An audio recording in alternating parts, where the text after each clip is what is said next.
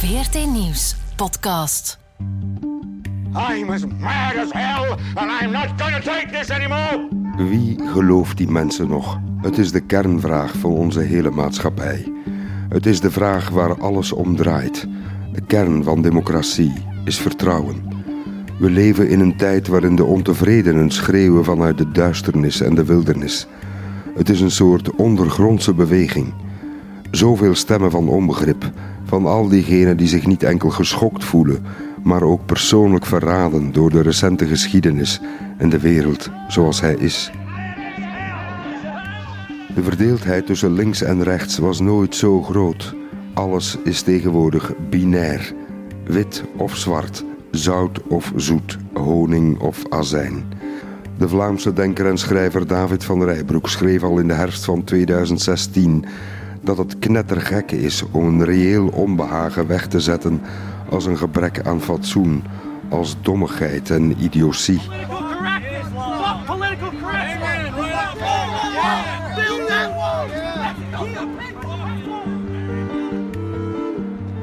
Volgens cultuurhistoricus Van Rijbroek is er te veel misprijzen van de elite tegenover gerechtvaardigde woede.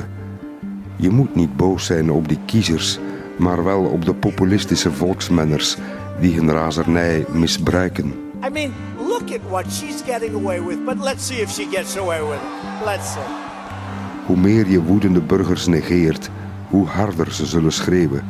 Tegelijk is het ook waar dat de emoties in deze tijd vaak erg hoog oplopen, terwijl het begrip over hoe de wereld echt in elkaar zit erg zwak is.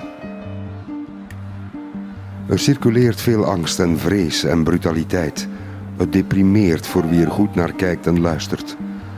Het schouwspel is vermoeiend, niet alleen voor wie gehaat wordt en beschimpt, maar ook voor de haters zelf. We leven in meedogenloze tijden. Zoveel zijn op zoek naar troost.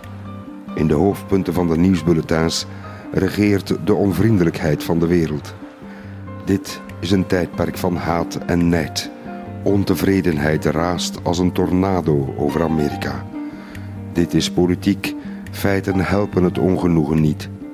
Het Amerikaanse politieke bestel is verlamd. The federal government will shut down tonight. That is the bottom line. Het springt van de ene crisis naar de andere, van de ene government shutdown naar de andere. De twee partijen, Republikeinen en Democraten, staan verder van elkaar af dan ooit. Soms lijkt het op het begin van een tweede burgeroorlog. De ideologische polarisatie is brutaal. De media in Amerika bieden vooral ruimte aan de meest luidruchtige en radicaalste stemmen. Trump-supporters beschimpen voortdurend de pers. They're terrible, they're awful, they are fake news. I don't believe anything they say. Er wordt niet meer geconverseerd, er wordt heen en weer gejouwd. Democratische supporters vallen republikeinse politici lastig aan hun huizen, op luchthavens, in de lift of op restaurant. Republikeinse aanhangers noemen hen mobs, gespuis. Allerhande samenzweringstheorieën doen dan weer de ronde in republikeinse kringen. Miljardair George Soros zou vrouwen betalen om te protesteren tegen de benoeming van rechter Kavanaugh. Earlier this month, President Trump accused Soros of funding anti Kavanaugh protesters. Last week, Congressman Matt Gates accused him of funding the migrant De caravan. democraten zouden betalen om een migrantenkaravaan vanuit Honduras naar de VS te laten stappen. Of andersom, de republikeinen hebben hen betaald om illegale immigratie in het nieuws te krijgen en zo de publieke opinie te manipuleren. En dat gaat zomaar door. He's been a magnet for such lies worldwide, garnering bizarre accusations like the Holocaust survivor was actually. De vijandschap is redelijk extreem. De conversatie is min of meer gestopt. De een zegt A, dus zegt de ander B. Het compromis is dood. De woede, de scheldpartijen, het wederzijdse wantrouwen zijn schrikwekkend. Ik heb dat vele keren ervaren op campagnemeetings. Het gaat bijna nooit over de eigen ideeën, maar altijd over de walging tegenover de ideeën van de andere zijde. Het lijkt wel oorlog. De brug tussen de twee partijen lijkt wel ingestort of er wordt dynamiet ondergelegd. Beide partijen lijken erop uit om de ander te vernietigen en te beschimpen. Er lijkt geen vertrouwen meer in de politiek als reddingsmiddel voor de samenlevingsproblemen. Dat zou ons bang moeten maken. Vroeger probeerden partijen de kiezer in het midden te verleiden. Nu gaat elkeen voor zijn radicaalste achterban. Niemand rijdt nog in het midden. Daar word je van de weg gemaaid.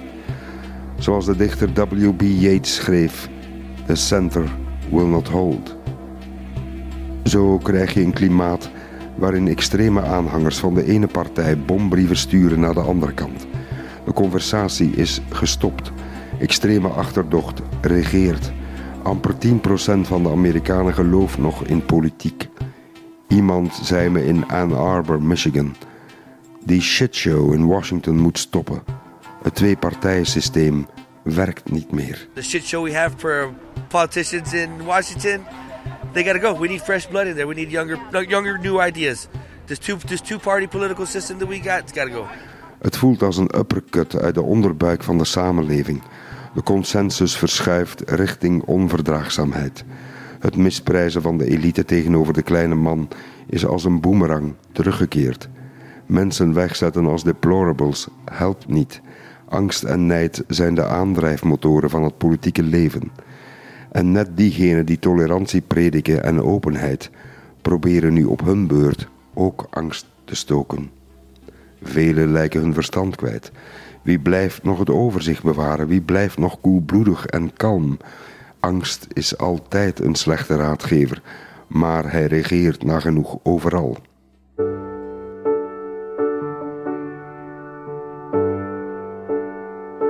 Dit is het probleem. Er zijn geen zekerheden meer. Instabiliteit en populistische onrust vormen de nieuwe wereldorde. Rebellie tegen globalisering, angst voor immigranten en wantrouwen voor traditionele politici. Te snel voortschrijdende technologische vooruitgang. Dat is de cocktail. De kolkende economie verandert de cultuur en de sociale omgeving.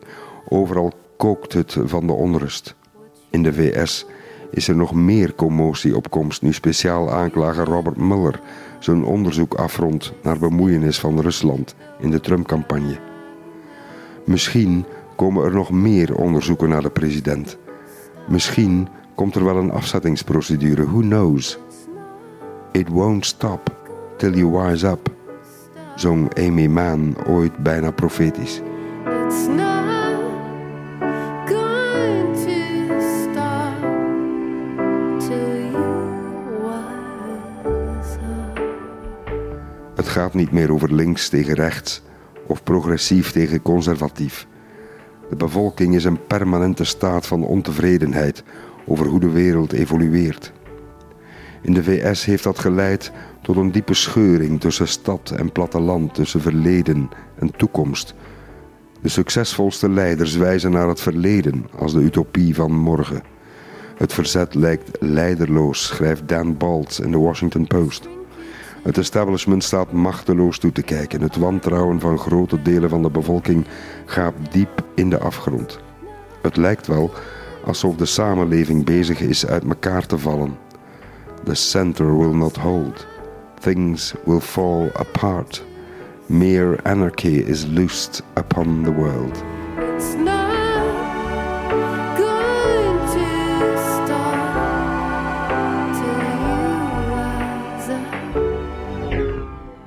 Laten we elkaar niets wijsmaken. De wereld is al een hele tijd op drift. Lang voor Trump op het toneel verscheen, Trump werd wellicht net door deze tijdsgeest gecatapulteerd naar het Witte Huis. Net de onrust bracht hem naar de macht. De onrust was een voedingsbodem, daar gedijt hij. Niemand die weet waar het gaat eindigen. Dat is het nog meest beangstigende van allemaal. Kijk, vier jaar lang zag ik herdenkingen passeren over de Eerste Wereldoorlog. Weten we eigenlijk wel wat we herdachten? Hebben we dan niets geleerd? Denken we dan echt niet na? We zien de herdenkingen als evenementen die een ver vervlogen geschiedenis in herinnering brengen. Iets uit een vreemde, andere wereld. Iets wat niet of nooit meer kan gebeuren. Terwijl de voortekenen van het naderende onheil zich voor onze neus afspelen. Wake up, world. Herdenkingen zouden ons denken en handelen moeten alarmeren. The ceremony of innocence is drowned. The best lack all conviction, while the worst are full of passionate intensity. Onze tijd samengevat door W.B. Yeats, Nobelprijswinnaar voor de literatuur in 1923. Vaststelling. De vooroorlogse generatie is uit de politiek verdwenen. Ja, er is nog Jimmy Carter, die 40 jaar geleden waarschuwde voor de crisis van het vertrouwen. Hij is bijna 95. The threat is nearly invisible in ordinary ways. It is a crisis of confidence. It is a crisis that strikes at the very heart and soul and spirit of our national will. We can see this crisis in the growing doubt about the meaning of our own lives and in the loss of a unity of purpose for our nation. Jimmy Carter en zijn generatie. De generatie die wist wat oorlog is, wat vrijheid en onvrijheid was. Een generatie die wist wat het verstoren van een bestaande wereldorde tot gevolg kan hebben. Meer eigenbelang, meer tribalisme, meer kans op oorlog en ellende. Die generatie, de generatie van de voorzichtigheid, kwam op 30 november 2018 weer even tot leven.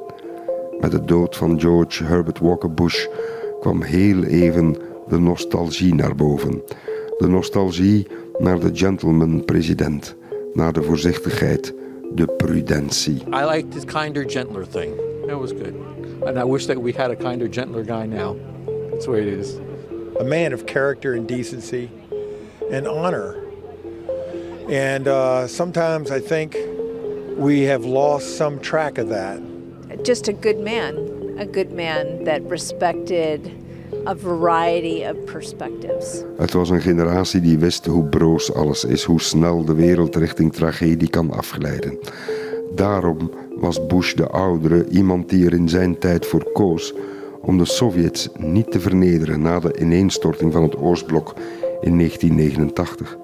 Dat was slim en emotioneel intelligent. Daarom was de Eerste Golfoorlog niet gericht op het omverwerpen van de bestaande orde. Het was een oorlog om het internationaal recht te beschermen, een actie gericht tegen de invasie van één land door een ander, Irak versus Kuwait. Het was geen oorlog gericht op regimeverandering.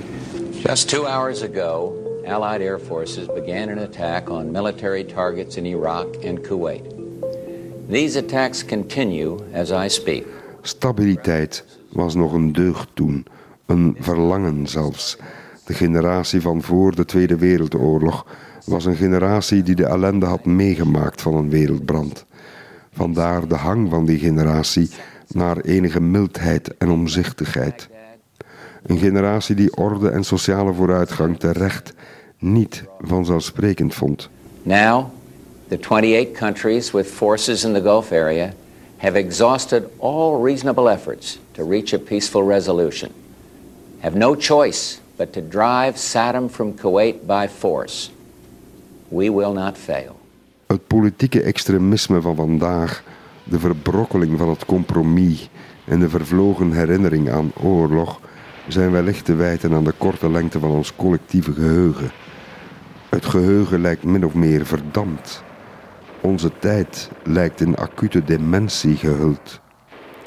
Wilde ideeën, ja zelfs utopieën, floreren weer met alle gevaren van dien, net als in de jaren die voorafgingen aan de verwoestende wereldoorlog. De oorlogservaring had altijd een enorm dempende werking op extremisme, schreef de Financial Times onlangs. Het wegdeemsteren van de levendige herinnering aan zo'n desastreuze oorlog geeft vandaag weer ruim baan aan gevaarlijke extreme ideeën. Zoals Kurt de Buff, voormalig adviseur van ex-premier Verhofstadt, zich in zijn sombere boek afvraagt: Why War is Coming. Hopelijk krijgt de Buff ongelijk met zijn pessimistische voorspellingen.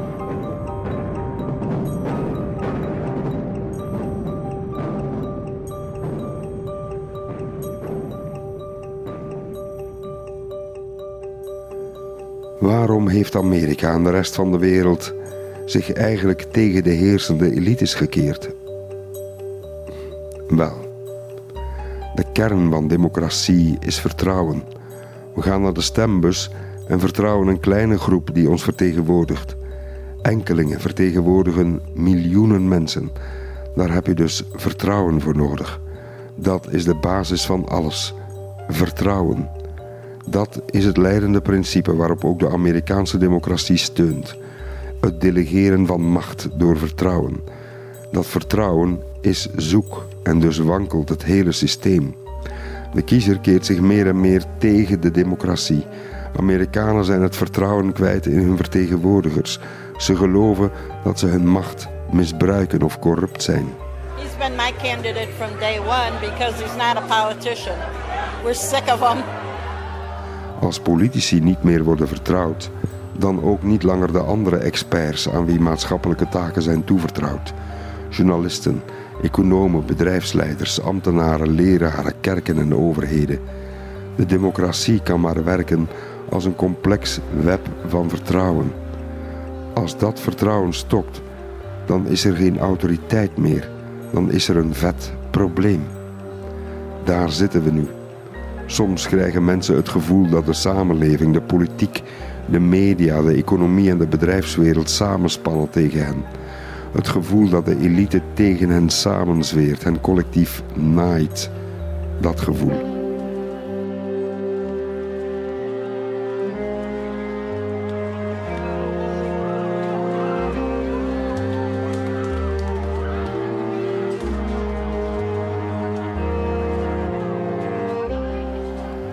Erosie van het vertrouwen raast in eiltempo voort.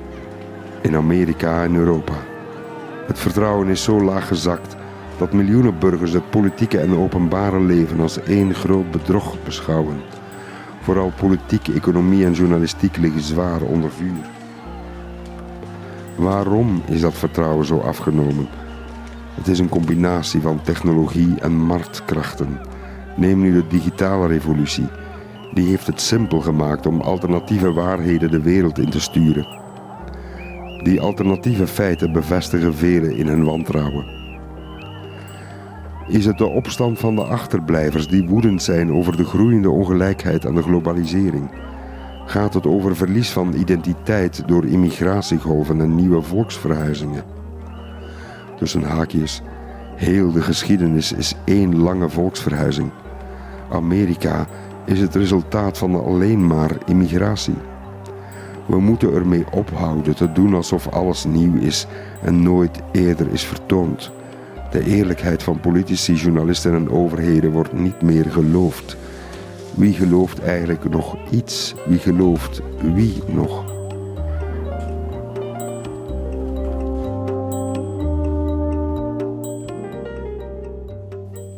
Een van de grootste raadsels van deze tijd is dat het weggevreten vertrouwen in de elites net wordt aangemoedigd en uitgebuit door figuren van een dubieus moreel allooi.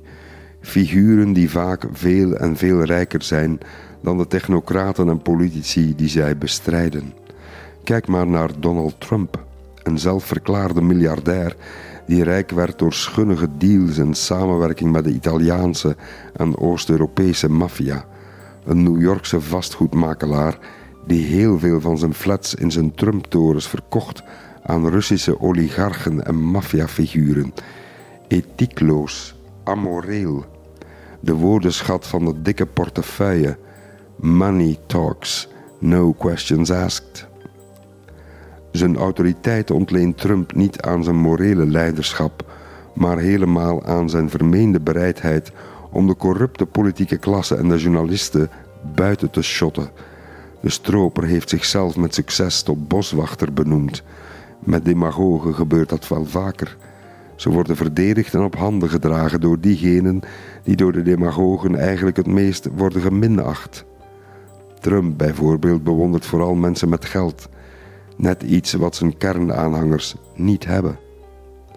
Trump heeft zijn regering volgestopt met multimiljonairs en toch presenteert de Amerikaanse president zich als de kampioen van de kleine man. Donald Trump's cabinet is filled to the brim with millionaires. I love all people, rich or poor. But in those particular positions, I just don't want a poor person. Does that make sense? Does that make sense? If you insist, I'll do it. But I like it better this way, right? Het is en blijft een opmerkelijke prestatie. Hij wil de bestaande ziekteverzekering afschaffen, de door de overheid gerunde goedkope zorg terugschroeven en hij biedt niets aan in de plaats. Daar is een woord voor: volksverlakkerij. De aanvallen tegen de pers zijn eigenlijk geen aanval tegen de media zelf. Het zijn aanvallen van een demagoog tegen het recht op vrije informatie voor de gewone burger. Our biggest obstacle actually is the media. You can believe it.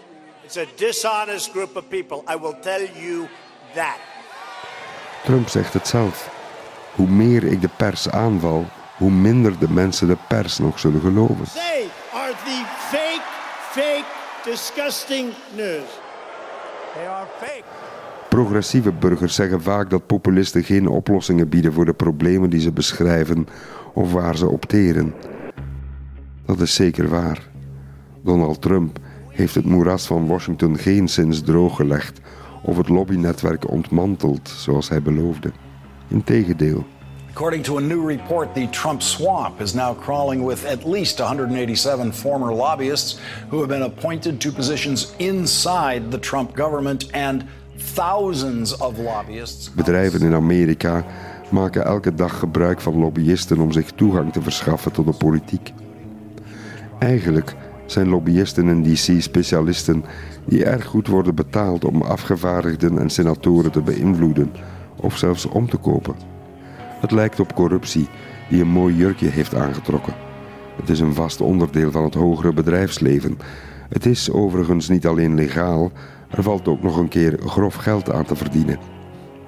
De lobbyisten van K Street in DC, vaak voormalige politici, zelfs ex-ministers, zijn de waterdragers van de grote oliefirma's, de farmaceutische industrie, de wapensector, de autoproducenten, de bankiers op Wall Street en de sigarettenfabrikanten. Het is vaak kapitalisme zonder geweten. Zo slaagt de chemische industrie er nog altijd in om giftige bijwerkingen voor werknemers te verdoezelen door wetgeving tegen te houden die strengere controles mogelijk zou maken. Iedereen zou dat soort praktijken een schande moeten vinden. Het is daarentegen de dagdagelijkse, geïnstitutionaliseerde corruptie. Elke dag gebeurt het, elke dag. Morele schijnheiligheid is het. Hoe kan een land verwachten dat burgers nog enig vertrouwen hebben in recht en rechtvaardigheid? Veel achteruitgestelde burgers zijn het zo beu als koude pap. Zo worden dus gele hesjes en Trump-supporters geboren.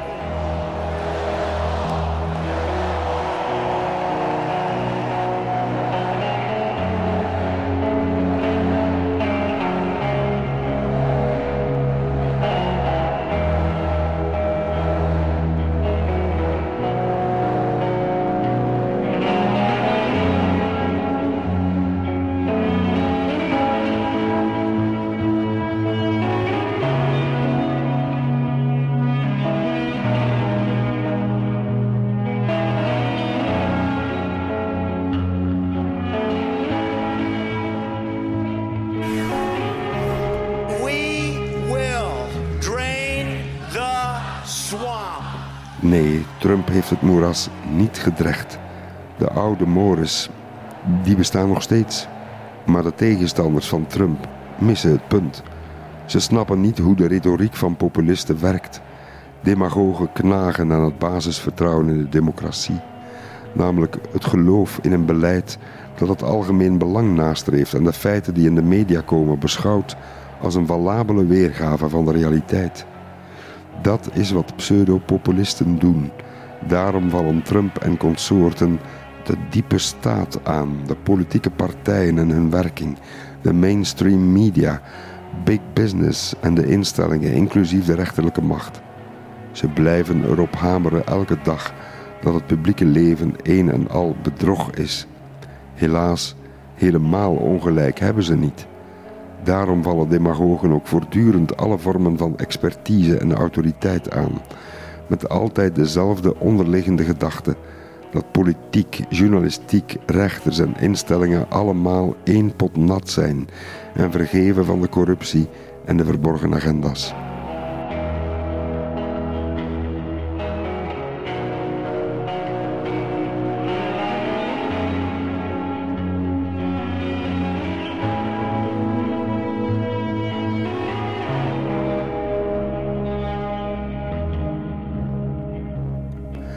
Het verlies van het vertrouwen in Amerika is verre van nieuw. Eind 19e eeuw kwamen de boeren in opstand tegen almachtige spoorwegmagnaten. Ik herhaal, het populisme van Trump komt dus niet uit de lucht vallen. Laten we dus ook ophouden de wereld voor Trump te beschrijven als een aards paradijs, waarin alles op wieltjes liep, rechtvaardig was en fatsoenlijk. Geen zins. Dit soort populisme begon 40 jaar geleden al, met de triomf van het zakenleven over de rivalen bij de vakbonden en over de regelgevers bij de ambtenarij. Thatcher, Reagan, Clinton, Blair en co. zijn de eigenlijke architecten van de ellende van vandaag. Daar is geen weg naast. Volgens de Amerikaanse socioloog Thomas Frank is het presidentschap van Trump maar één enkel hoofdstuk in deze lange, vuile historie. We leven dus niet in een populistisch moment. Het is één ogenblik in een lange tocht. Tussen haakjes, populisme is niet altijd een rechtsfenomeen met een racistisch of nativistisch eigenvolk eerst randje. In de jaren 30 van de vorige eeuw was Amerikaans populisme pro-arbeider en pro-samenwerking tussen zwart en blank. Denk aan Eugene Debs, denk aan Huey Long in Louisiana. Het populisme van Jesse Jackson in de jaren 80 van de vorige eeuw werd zelfs een regenboogcoalitie genoemd. Tonight, we pause and give praise and honor to God for being good enough to allow us to be at this place at this time. When I look out at this convention, I see the face of America red, yellow, brown, black, and white. We're all precious in God's sight. The real Rainbow Coalition. Populisme betekent letterlijk dat je strijdt voor het volk. Het is het pseudopopulisme dat we moeten vrezen, het nep-populisme. Het is de economische stilstand van de grote Amerikaanse massa die Trump mogelijk maakte. Groeiende ongelijkheid en de verdamping van de middenklasse speelden een grote rol. Veel leiders voor Trump bleven stekenblind en toondoof voor het lijden van hun landgenoten. Neem zelfs ook maar Obama. Het spijt me, maar ook hij liet de vakbonden in de kou staan. Nog maar 7% van de Amerikaanse werknemers is vakbondslid. Obama liet de bankiers op Wall Street ongestraft voor hun fraude en bedrog die leidde tot de grote financiële crisis. De Democratische Partij koos onder Bill Clinton voor een derde weg. De partij vergat haar basis, wilde af van het linkse imago, sloot handelsakkoorden die de arbeiders schade berokkenden, bespaarde op de sociale vangnetten en werd onredelijk hard in de opsluitwoede en de strijd tegen alle vormen van criminaliteit. Those who commit crimes should be punished. And those who commit repeated violent crimes should be told when you commit a third violent crime, you will be put away and put away for good. Three strikes and you are out. Het was onder Bill Clinton dat heel veel doodstraffen werden uitgevoerd en de gevangenispopulatie explodeerde. De compassie aan de linkerzijde verdween. Blair deed exact hetzelfde met New Labour in Groot-Brittannië. Socialisten vervelden tot elitaire salonsocialisten die hun geld op de beurs belegden. Alles voor de aandeelhouders, bijna niets voor de labeurende werknemer. De democraten in Amerika en de sociaaldemocraten in Europa verloren de voeling met de gewone man. Er is dus een rechtstreeks verband tussen de democraten die hun eigen basiswaarden verloochenden en de opkomst van Trump en Sanders. Daarom switchten ze massaal van Obama naar Trump in de oude industriegordel van de VS. Trump doet intussen alsof hij zich het lot van de gewone man echt aantrekt. Daarom is Trump geen echte populist, maar een pseudo-populist, een demagoog. Het bestaande systeem in de Amerikaanse democratie is een ingenieus netwerk van checks en balances. De ene macht controleert de andere, houdt broze machtsevenwichten in stand, zodat niemand de almacht kan uitoefenen. Niemand heeft een machtsmonopolie.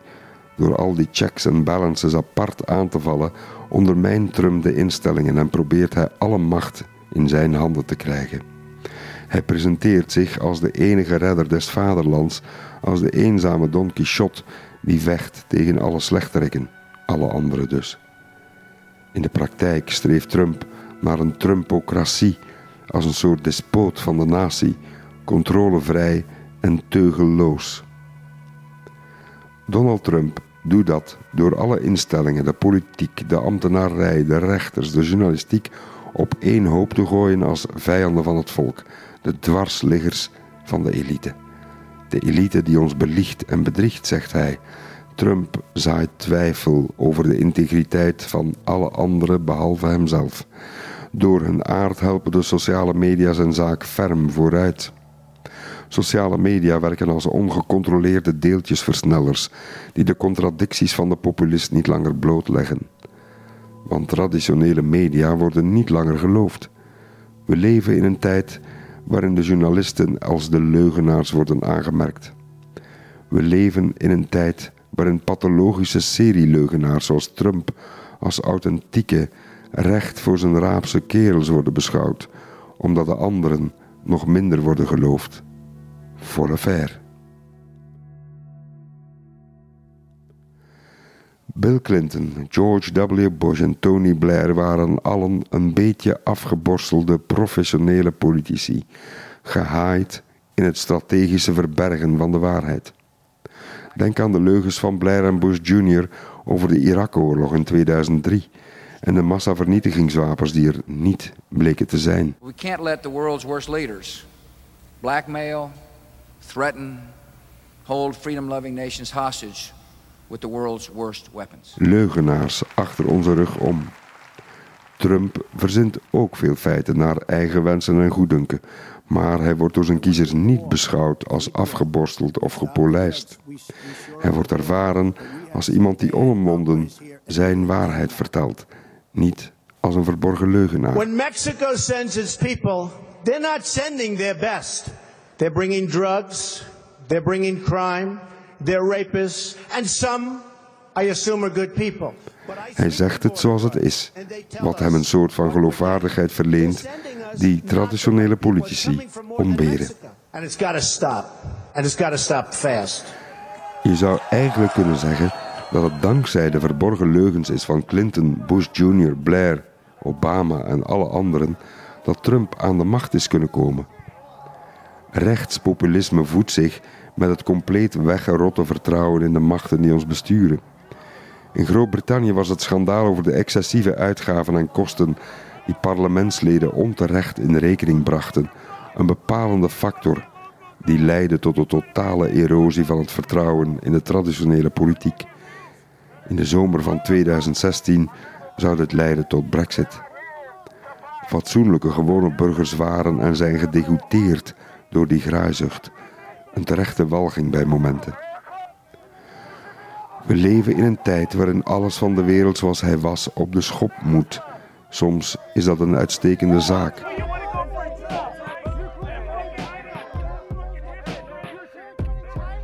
Neem nu de Zwarte Piet-discussie.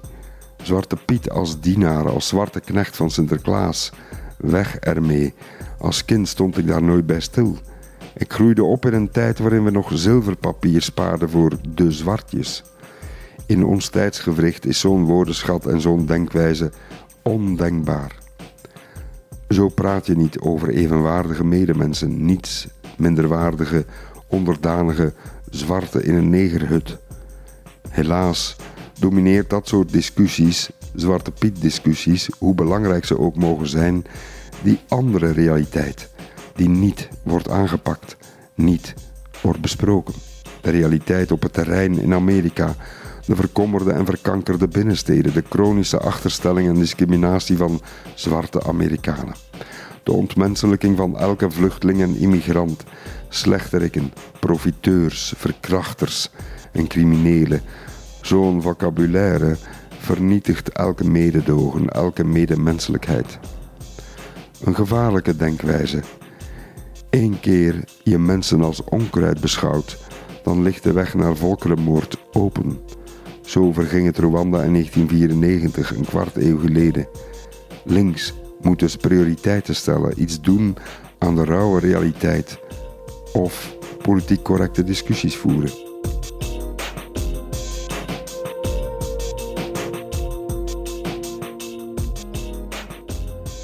Het decennium van de ontevredenheid, daarin leven wij. Alles zoekt zich een weg naar buiten, ook de feiten die normale daglicht niet zien.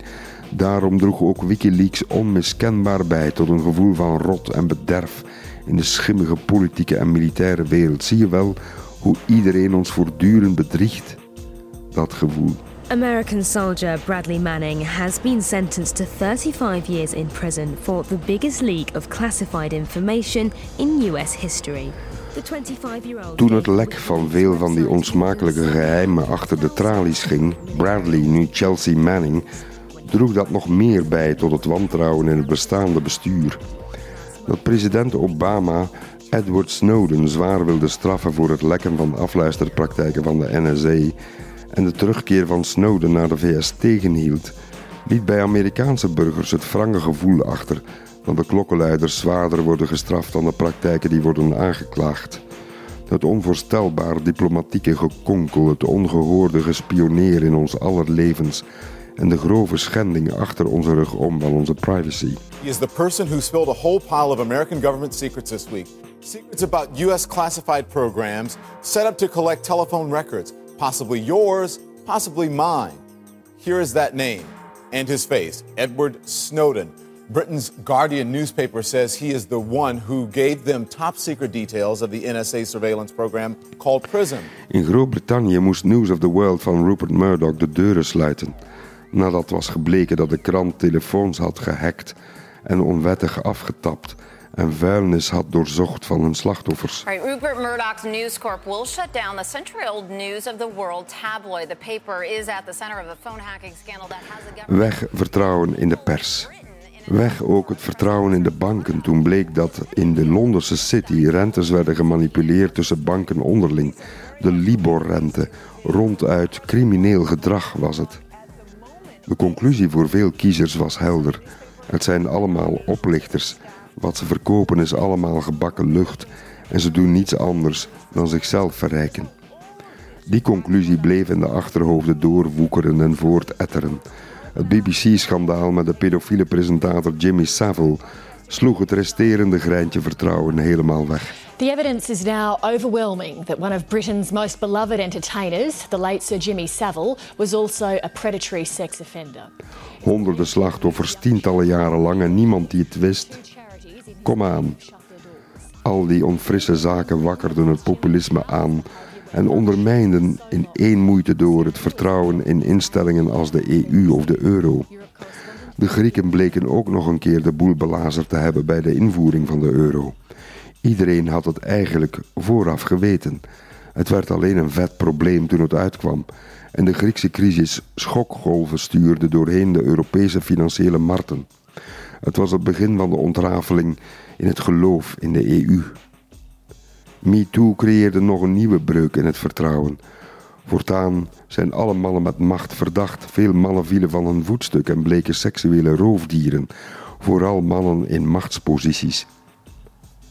Wie kan je eigenlijk nog vertrouwen? Wie is nog integer? Wie gelooft die mensen nog? Ook het bedrijfsleven belazerde de boel. British Petroleum bleek noodzakelijke investeringen niet te hebben gedaan om de veiligheid van zijn boorplatform Deepwater Horizon te garanderen. Grote baas Tony Hayward kon in de lente van 2010 alleen maar een jammerklacht afsteken op tv.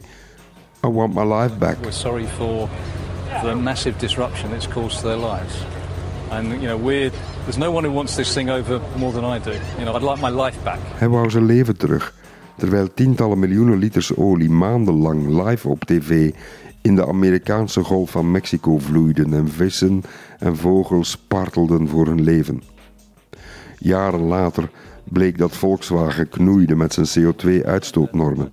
Grote baas Martin Winterkorn werd de laan uitgestuurd. Diesen Neuanfang, meine Damen und Herren, gehört auch die Nachricht, dass Herr Professor Dr. Martin Winterkorn angeboten hat, von seinem Amt als Vorstandsvorsitzender zurückzutreten. Met zo'n lawine aan bedrijfsschandalen nam vreemd genoeg ook de interesse in de politiek toe. Een ideale voedingsbodem voor pseudopopulisten die teren op woede en ontevredenheid.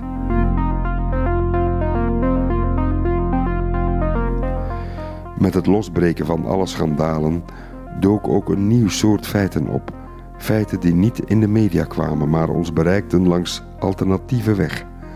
Gelekte archieven via Wikileaks, feiten die de diepste angsten bevestigen en daardoor nog meer boosheid uitlokten, nu de ergste vermoedens ook nog een keer waar bleken te zijn. Hebzucht en oneerlijkheid kwamen al maar vaker aan de oppervlakte en werden wereldwijd verspreid via snelle technologie en sociale media. De woede ging luider klinken en als de straf in de perceptie ontoereikend is, krijg je ook slogans als Lock her up.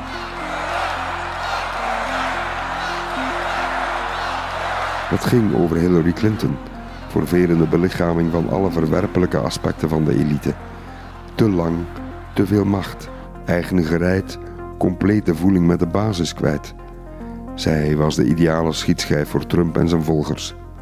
Dat net zij de kandidaten werd voor de Democraten, droeg ongetwijfeld bij tot de overwinning van Trump. Ook daar moeten we eerlijk in zijn. Ook de mainstream media kwamen steeds meer onder vuur, schreef socioloog William Davis enkele maanden geleden in de krant The Guardian. Soms schurken media al te dicht aan tegen politici, schrijft hij, waardoor ze al te vlug in een wurggreep van medeplichtigheid komen te zitten, waardoor ze ook als onbetrouwbaar kunnen worden bestempeld. Ik denk dat dat helaas een beetje waar is. Zoals de Amerikaanse politiek geschokt is over een telefoon met de Russische ambassadeur, maar intussen lekker geschenken aanneemt van lobbyisten. Geen wonder dat deze burgers vervolgens sympathiseren met Donald Trump en hem eerlijker vinden dan degene die hen moreel veroordelen, terwijl ze zelf al te vaak de boel belazeren. De stuitende hypocrisie in de wereld is zo'n beetje de hoofdoorzaak van ons populistische tijdperk. Dat is de paradox. Trump is zo ongeveer de grootste openlijke leugenaar-president ooit, maar tegelijk is hij ook zowat de eerlijkste president ooit. Trump durft openlijk en naar waarheid te zeggen dat ethische overwegingen amper een rol spelen in de verhouding tussen staten. Na de moord op journalist Jamal Khashoggi zei Trump dat de zakendeals met Saoedi-Arabië gewoon moesten doorgaan, ondanks de misdaad die was gepleegd. They're spending 110 billion dollars purchasing military equipment and other things. Uh, if we don't sell it to them, they'll say, "Well, thank you very much. We'll buy it from Russia," or "Thank you very much. We'll buy it from China." That doesn't help us, not when it comes to jobs and not when it comes to our companies losing out on their work. But there are other things we can do. Niemand voor hem zou dat hebben durven te zeggen, al deden zijn voorgangers in de praktijk net hetzelfde. In de internationale politiek zijn geen vrienden of vijanden, alleen belangen, zei Lord Palmerston. Right.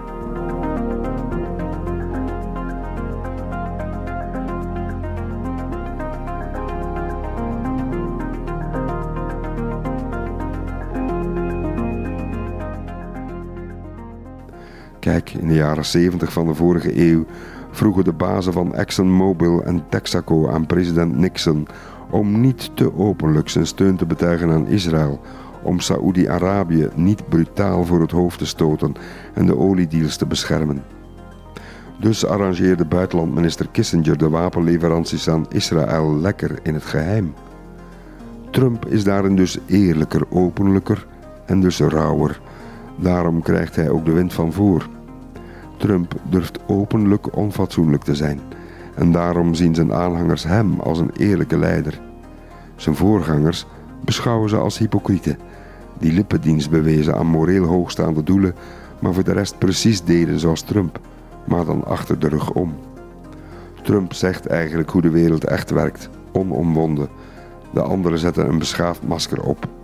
Ja, de hypocrisie heeft voor een flink stuk bijgedragen aan het succes van pseudopopulisten. De schijnbare eerlijkheid van Trump heeft ook een donkere kant. Alles kan en mag nu worden gezegd. De laag fatsoen, de beleefdheid, de beschaafde omgangsvorm verdwijnt snel. Trump is roekeloos. Hij verdraait voortdurend de feiten. Hij overdrijft, trapt na op Twitter, lijkt geen enkel moreel kompas te hanteren. Zo legitimeert hij racisten, neonazis en antisemieten. Trumps eerlijkheid heeft de donkere krachten die langere tijd onder een stolp zaten vrijgelaten. De putdeksels zijn gelicht, de beerput ligt open. De rauwe ranzigheid die verborgen bleef of naar de uithoeken van de samenleving was verbannen, heeft weer ademruimte gekregen.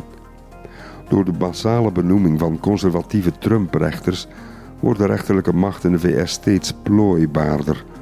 Trump lijkt echt wel het symbool van de teleurgang van een land, hoe hard zijn aanhangers ook USA, USA, USA scanderen of Make America Great Again. Als waarnemer denk ik soms, hoe kan zo'n dysfunctioneel land de wereld leiden? Zoveel ongelijkheid, zoveel binnenlandse problemen, zo'n polarisatie. Ook bureaucratieën zijn vandaag overal in de westerse wereld aangeschoten wild. Miljoenen documenten worden zomaar op straat gegooid en publiek gemaakt. Dat is goed, zou je kunnen zeggen. No more secrets. Het vreet ook wel nog een keer het vertrouwen aan. Wat gebeurt er toch allemaal achter onze rug om? De Panama Papers zijn daar een goed voorbeeld van. Ook de legitimiteit van administraties vertoont grote barsten. Ook daar is het vertrouwen steil naar beneden gedoken. Zijn alle schandalen die naar buiten stromen wel accuraat voor ons beeld van de wereld? Natuurlijk niet. Ze halen het uitzonderlijke, het negatieve, het vuile naar boven. Het is goed dat we streven naar een nultolerantie voor schandalige praktijken, maar ze vermorsen wel het grote plaatje. Ze schetsen het beeld van een wereld op drift, een wereld waarin alles en iedereen rot is van binnen. Dat alles wordt gedreven door leugens. Nu, over de menselijke natuur moet je nooit al te optimistisch zijn, maar dat is van alle tijden. Door de komst van de media wordt al het negatieve uitvergroot en uit zijn ware proportie getrokken. Klokkenluiders en lekken over mistoestanden hebben een geloofwaardigheid verworven die vele keren die van de vroegere rapporteurs van de wereld overtreft. De experts, de ambtenaren, de journalisten en de politici. En zo vallen populisten zoals Erdogan in Turkije, Orbán in Hongarije, Bolsonaro in Brazilië en Trump in de VS ook de onafhankelijkheid van de rechterlijke macht aan en die van de media uit naam van het volk. En ja, Trump heeft gelijk. Er zijn wel degelijk Trump-rechters, Obama-rechters en Bush-rechters. Dat krijg je als je de rechterlijke macht tot het voorwerp maakt van politieke benoemingen of verkiezingen. Dat lijkt me een constructiefout in de Amerikaanse democratie die dringend moet worden aangepakt. Kijk, vroeger was de gedachte dat de waarheid in de doofpot werd gestopt het domein van samenzweringstheorieën. Nu is het mainstream geworden, heel gewoon om in complotdenkers te geloven. De sociale media versterken nog dat gevoel. Zo ontstaan echokamers. Het wordt moeilijk om de ander nog te bereiken als er een dikke muur staat tussen de verschillende gedachtekamers. De cadans van de slogans neemt het over van de reden en dus ook van de vrede.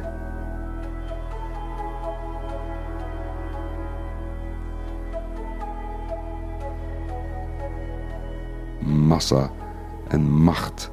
Elias Canetti schreef er uitvoerig over in 1960 de eenzaamheid die ons als individu kenmerkt. Mensen die hun eenzaamheid in deze tijd bestrijden door deel uit te maken van een groep, dus noods een groep die vecht tegen een andere groep. Schild en vrienden, een groep Vlaamse jongens met gefeund haar, die zich intolerant keren tegen nieuwkomers en immigranten en zich daardoor samenhoriger en minder eenzaam voelen. Zelf zullen ze het nooit zo verwoorden, maar dat is een diepere motivatie. Immigranten die in bepaalde politieke campagnes op het internet geportretteerd worden als islamfundamentalisten met een sluier. Het is precies dezelfde demagogentruc. Als we ons zwak voelen en bedreigd in onze levensstijl, zoeken we maar naar een zondebok waar we al onze angsten op kunnen afwentelen. Dus noods door leugens te verkopen over de ander, door feiten te verdraaien of grof te veralgemenen, zoals roddelen in de omgang ook een sociale functie heeft, samen over of tegen de ander. Dat voelt veilig en geborgen, minder eenzaam.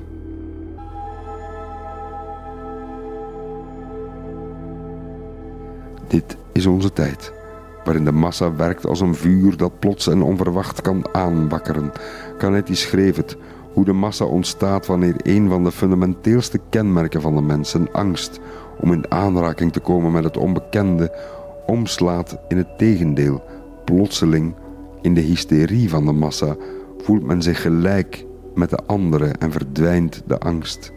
Dat mechanisme zag ik zelf op Trump-rallies. Tienduizenden mensen met hetzelfde rode petje in één sportarena met één leider vooraan in de zaal. Eén volkslied, allemaal met de rechterhand op het hart. Één leuze. USA, USA, USA. Die massa die zich samen sterk voelt, niet meer hooghartig wordt behandeld door de elite die op hen neerkijkt. Die massa die zich afkeert van al wie niet tot die massa behoort. Dat is de vijand. Feiten zijn niet meer van tel. Het gevoel heeft het overgenomen, schrijft socioloog William Davis in zijn boek Nervous States How Feeling Took Over the World. De consensus is gebroken, alles is voortaan relatief. Iedereen hangt zijn eigen feiten aan. Relativisme noemde literair criticus Michiko Kakutani het in een interview met mij over haar boek Het einde van de waarheid. Nochtans leven we niet in een crisis van feiten, maar in een crisis van vertrouwen. Bankiers moeten nadenken over hun wereld. Net als politici. Spreek de rauwe waarheid. Vertel je kiezers of je klanten dat het moeilijk is, dat wonderoplossingen niet bestaan. Ook de journalistiek moet streven naar de beste versie van de waarheid. Aan de consument zeggen dat we niemands meester en niemands knecht zijn. En gedreven worden door onweerlegbare feiten en zintuiglijke waarnemingen. Rechters moeten zeggen dat ze ondanks hun politieke benoeming hun best zullen doen om recht te spreken in het algemeen belang.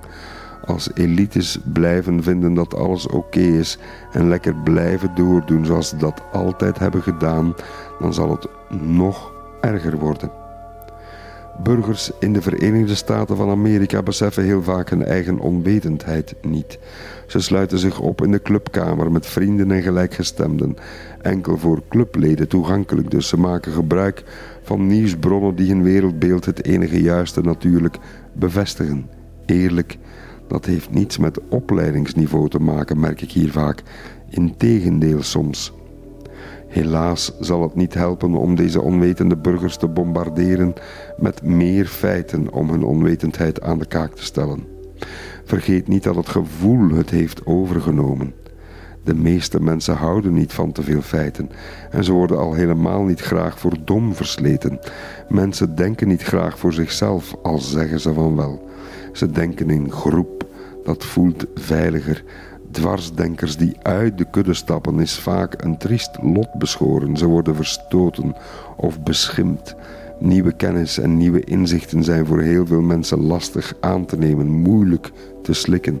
Mensen lopen graag dicht bij elkaar in de groep, in één vooraf getrokken spoor, dat van de groep waar de bestaande kennis domineert.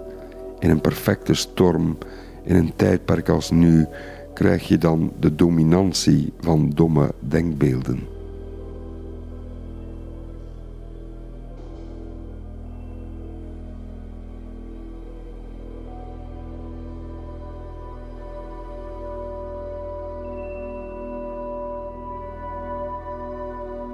In het tijdperk van Twitter en Facebook is het soms moeilijk om uit te maken welke versie van de waarheid je dan nog mag geloven.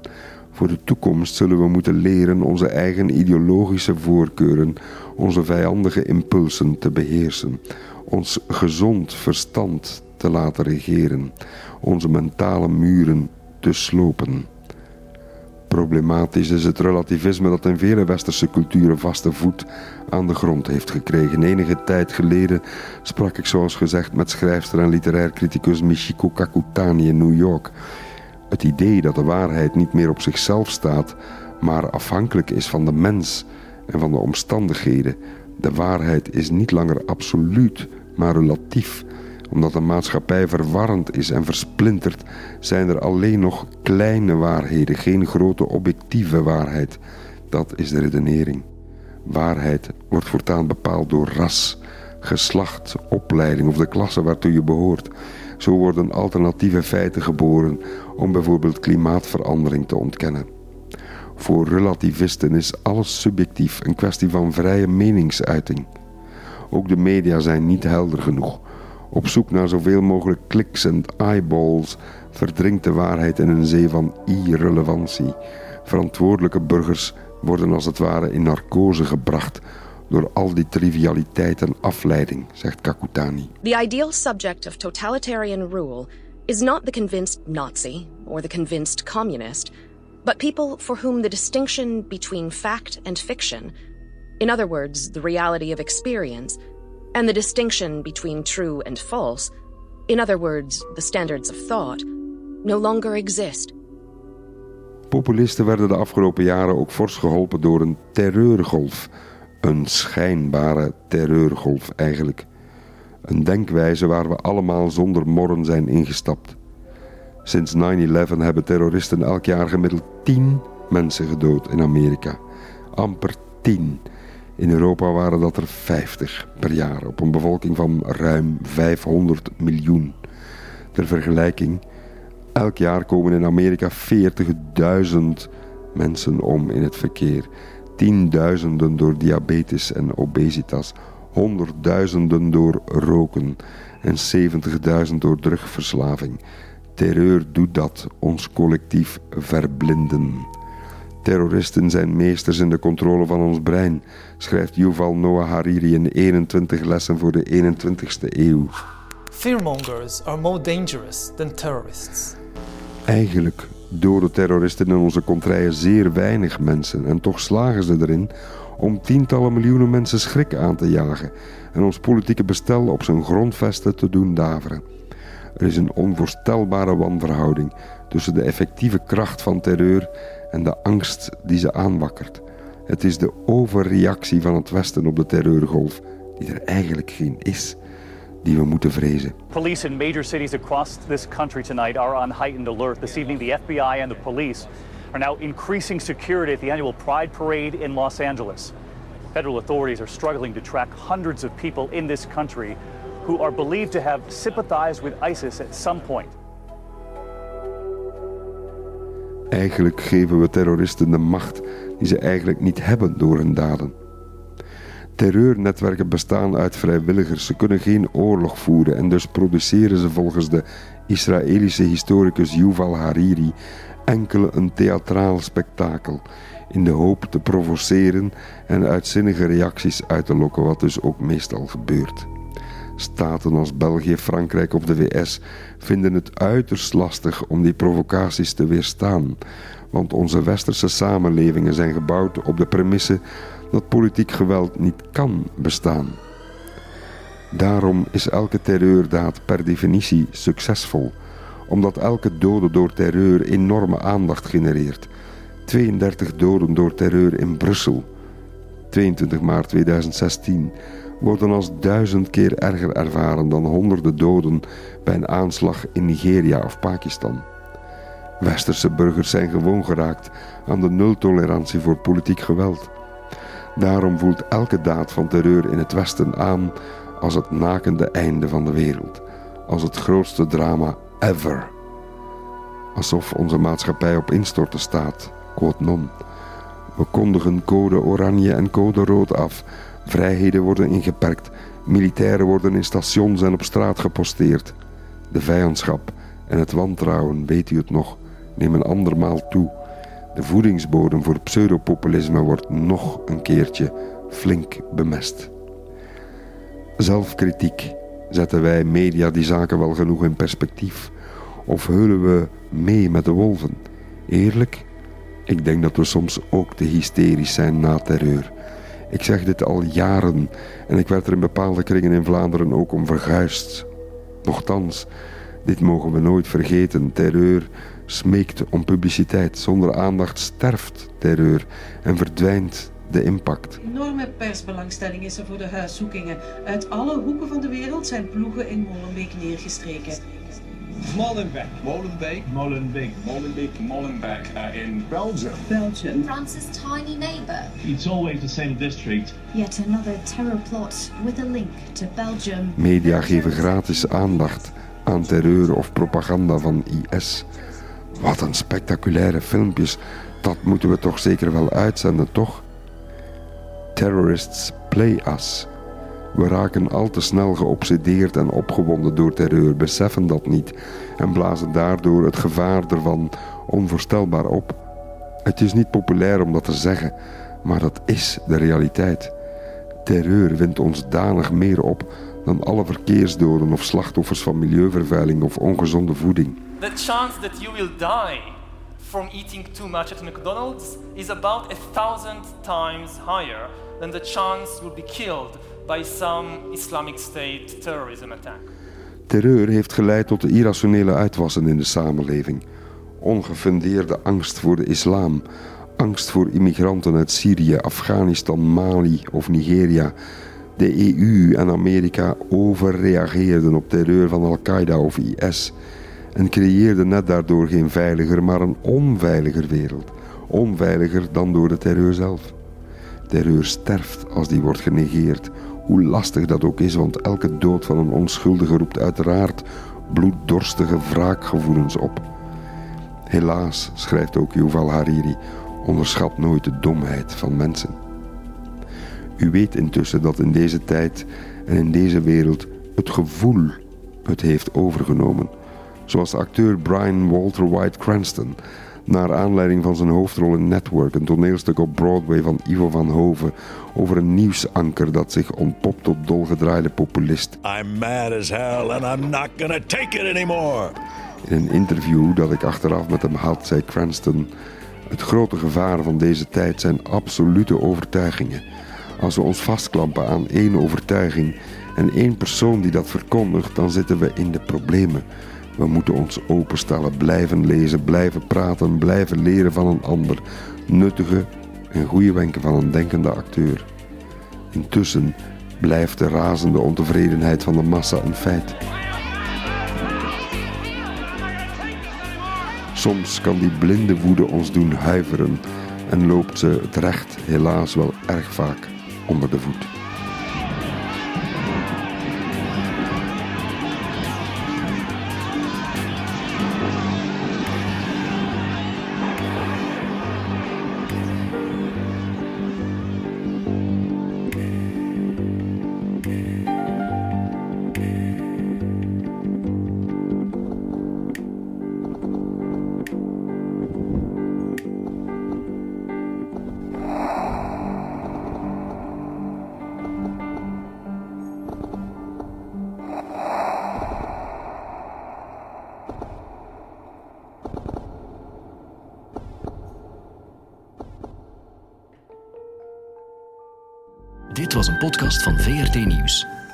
Je vindt er meer op de podcastpagina van vrtnieuws.be of via de podcast-app op je smartphone.